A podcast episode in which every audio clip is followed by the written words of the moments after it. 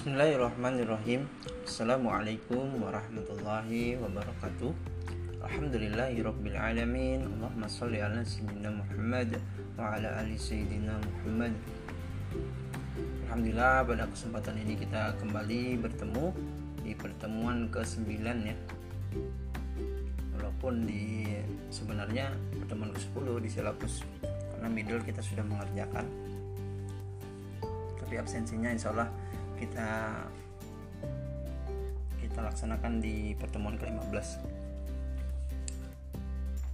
hari ini kita akan membahas mengenai tema yaitu fungsi pendidikan dalam kehidupan manusia sebagai makhluk biologis yang mana eh, dalam pertemuan ini diwakili oleh kelompok 6 Aku ucapkan terima kasih kepada pemateri yang sudah memaparkan uh, apa hasil dari kerjasamanya. Dan juga terima kasih kepada uh, penanya maupun yang menanggapi kawan-kawan semuanya. Di mana kelompok 6 ini beranggotakan. Yang pertama ada saudara Muhammad Riza kemudian ada Lisnur Ajiza dan juga ada saudari Sifa Khalisa. Oke seperti perkuliahan sebelum-sebelumnya setiap pertemuan ada beberapa orang penanya diwajibkan ya agar supaya semuanya aktif dalam uh, melaksanakan perkuliahannya. Jadi tidak hanya apa tidak hanya pemateri dan penanya tetapi kawan-kawan juga menanggapi. Sini ada 9 pertanyaan di mana bisa kita lihat uh, yang pertama itu ada saudari Fatimah ya perwakilan kelompok pertama sini bertanya dilihat dari ruang lingkupnya pendidikan bisa didapat dari lingkungan keluarga sekolah dan masyarakat. Oke. Kemudian nah bisakah kalian menjelaskan mengenai fungsi pendidikan berdasarkan faktor-faktor lingkungan keluarga sekolah masyarakat tersebut? Nah juga minta berikan contohnya. Bapak rasa ini sudah pertanyaan-pertanyaan ini sebenarnya sudah terjawabkan oleh pemateri kelompok 6 ya. Nah, tapi kita Artinya Bapak kembali menyampaikan bahwa Bapak tetap menyimak apa yang ditanyakan dan juga apa yang dijawab oleh kawan-kawan baik dari pemateri maupun kawan-kawan yang menambahkan. Kemudian juga ada pertanyaan dari Ska Azhara perwakilan kelompok 2 apakah ada faktor-faktor yang berpengaruh terhadap fungsi pendidikan dalam kehidupan manusia sebagai makhluk biologis kemudian juga ada Nur Hayati perwakilan kelompok 3 apa kata biologis mempunyai arti lain yang sangat jauh berbeda dengan arti sebenarnya? Apa ya? Nah, itu juga sudah dijawabkan. Kemudian ada saudari Rizky perwakilan kelompok 4 bertanya Bagaimana lembaga pendidikan menggunakan perannya dalam mengelola keragaman sosial budaya? Oke. Kemudian ada pertanyaan dari saudari Kartika Novi Astuti perwakilan kelompok 5 Berikan pendapat kalian tentang pendidikan merupakan suatu keharusan manusia sebagai makhluk biologis. Kemudian juga ada perwakilan dari kelompok 7 yaitu saudari Maulisa Husna. Sini bertanya mengapa pendidikan menjadi sebuah keharusan manusia sebagai makhluk biologis. Juga eh, perwakilan kelompok 8 itu saudari Siti Nur Khalisa bagaimana dan apa saja cara agar kita bisa menerapkan fungsi dan peran pendidikan dalam kehidupan manusia sebagai makhluk biologis. Nah, kemudian pertanyaan dari perwakilan kelompok 9 yaitu Saudari Hairunisa Aulia Pratiwi Bagaimanakah contoh penerapan dan dari fungsi pendidikan yang mengajarkan tingkah laku yang baik dalam mempersiapkan individu untuk peranan tertentu, tertentu tersebut? Dan juga terakhir itu ada pertanyaan perwakilan dari kelompok 10 yaitu ada Rohayati Zakia. Sini bertanya bagaimana cara mengetahui apakah fungsi pendidikan ini sudah terlaksanakan dengan baik atau tidak. Ya, terima kasih dari kawan-kawan yang sudah bertanya. Artinya Bapak menyimak nih siapa yang bertanya, siapa yang uh, memberikan tanggapan dan jawabannya. Untuk apa? Untuk mengisi absensi. Bisa kita simpulkan dari jawaban-jawaban teman-teman juga yang perlu kita ketahui adalah ilmu pengetahuan di sini adalah suatu yang esensial dalam kehidupan manusia. Secara naluri sejak lahir kita sebagai manusia sudah mampu merasakan pentingnya ilmu pengetahuan ya kan?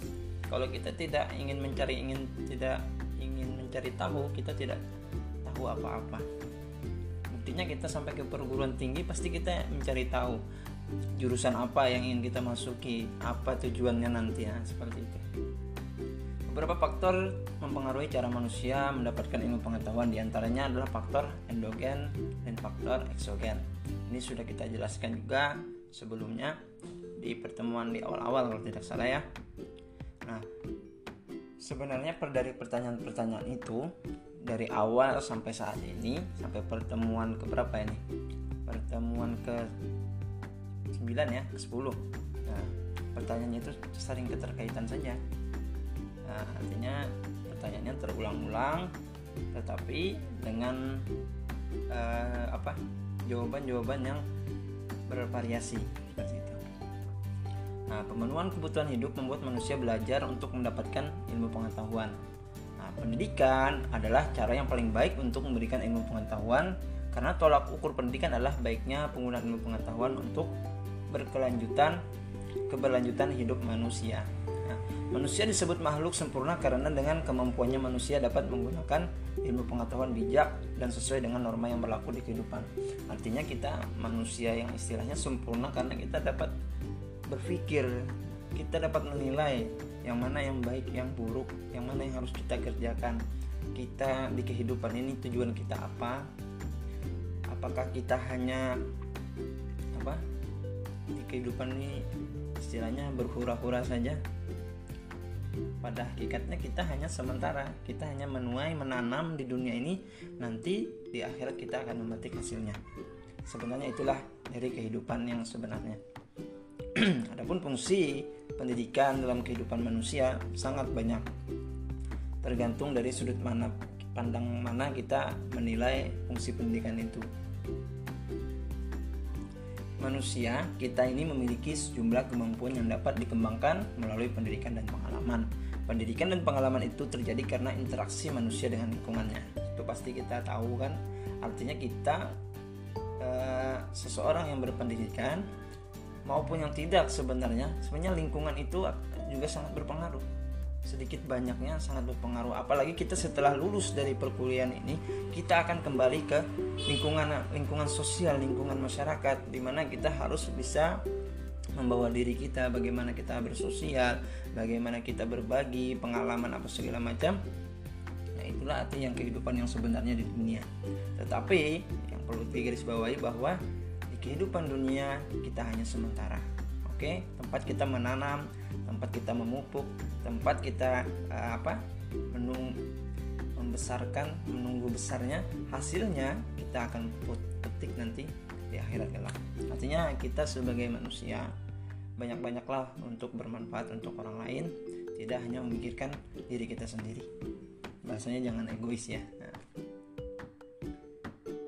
pertama khususnya pada lingkungan utama pendidikan yakni pertama kita sudah tahu keluarga sekolah dan ketiga itu masyarakat.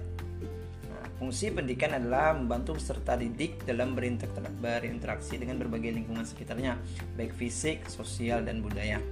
Nah, utamanya berbagai sumber daya pendidikan yang tersedia agar dapat dicapai tujuan pendidikan yang optimal. Untuk itu, proses pendidikan harus berfungsi untuk mengajarkan tingkah laku umum dan untuk mempersiapkan individu untuk apa, peranan-peranan tertentu. Sehubungan dengan fungsi pendidikan bertugas untuk mengajarkan berbagai macam pengetahuan, keterampilan dan keahlian dalam rangka mempersiapkan anak untuk pekerjaan-pekerjaan tertentu. Nah, artinya begitu juga. Yang saat ini kuliah nanti pasti ada tujuannya apa? Nah, tidak mesti harus uh, apa? Lulusan MPI tidak mesti harus di sekolahan. Kita bisa kerja di kantor, kita bisa jadi pengusaha, kita jadi bos bos apa saja harapannya seperti itu. Ya kan? Tidak mesti lulusan MPI tapi fokusnya hanya di situ situ saja. Nah, kita banyak yang ingin menjadi pengabdi apa mengabdi dengan negara menjadi pegawai negeri sipil atau ASN ya. Silakan kalau ada peluang masuk masuki terus dicoba dicoba. Kalau ingin jadi pengusaha yang sukses silahkan.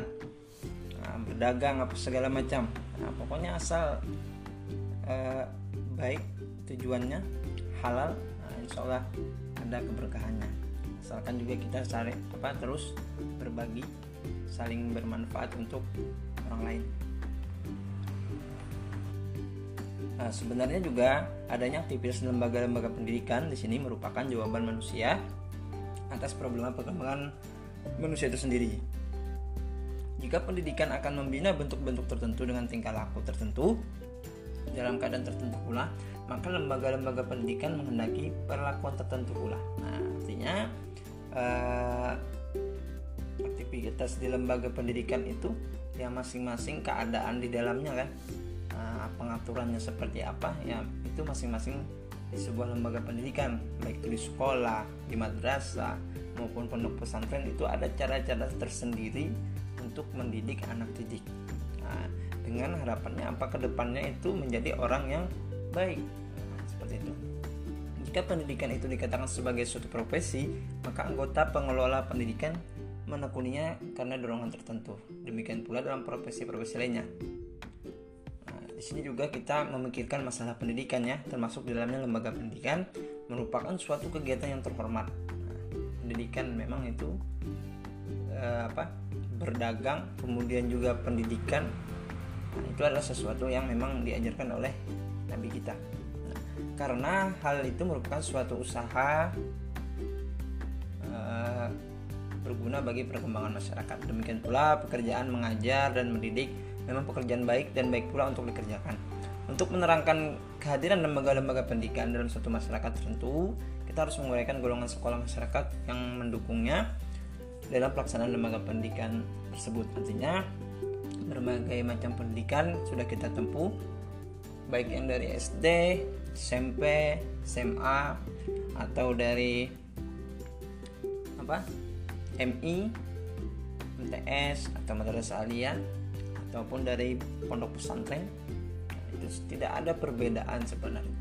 Tinggal tujuan setelah apa yang didapatkan di situ kita mengamalkan kemudian kita mencari kehidupan selanjutnya. Nah dengan itu kita masuk ke eh, apa ke pendidikan formal lagi yaitu kampus. Nah di sini kita kita mengembangkan apa minat bakat kita kita berorganisasi selain dapat utama perkuliahan kita nih kita berorganisasi kita bersosial bagaimana kehidupan nanti kenyataan yang sebenarnya apakah kita bermanfaat di masyarakat nanti kita bawa apa yang sudah kita dapatkan di kita dapatkan di perkuliahan kita baik yang secara yang di kelas secara materi maupun yang di luar kampus yang organisasi di dalam kampus yang di luar kampus maupun uh, yang pernah Bapak sebutkan di sebelumnya ada pengajian-pengajian silahkan.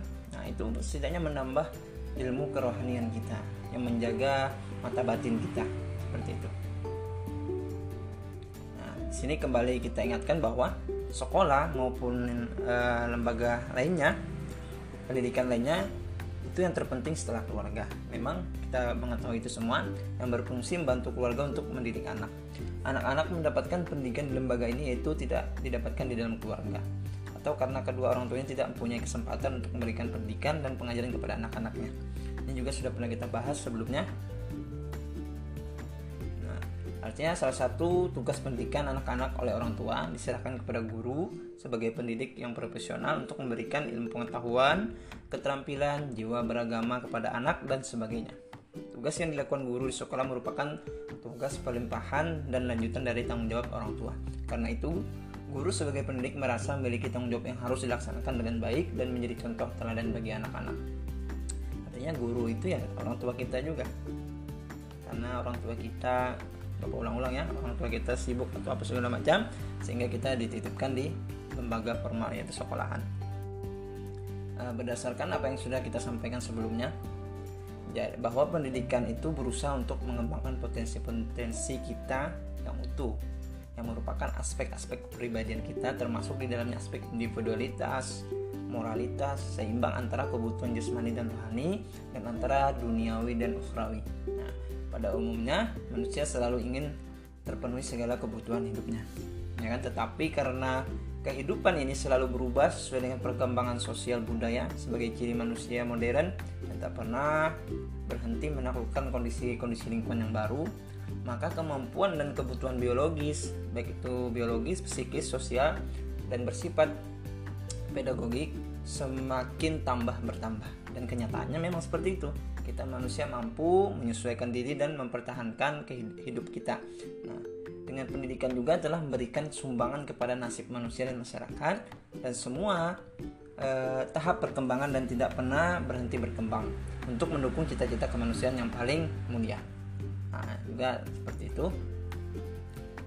Nah, dengan demikian jelas ya, kita menginginkan bahwa dunia ini menjadi sebuah tempat yang lebih baik untuk persiapan masa depan. Artinya eh, dari awal sampai akhir hayat kita.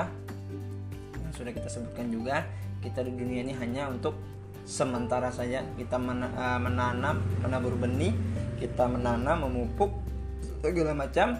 Nah hasilnya nanti di masa persiapan untuk di akhirat.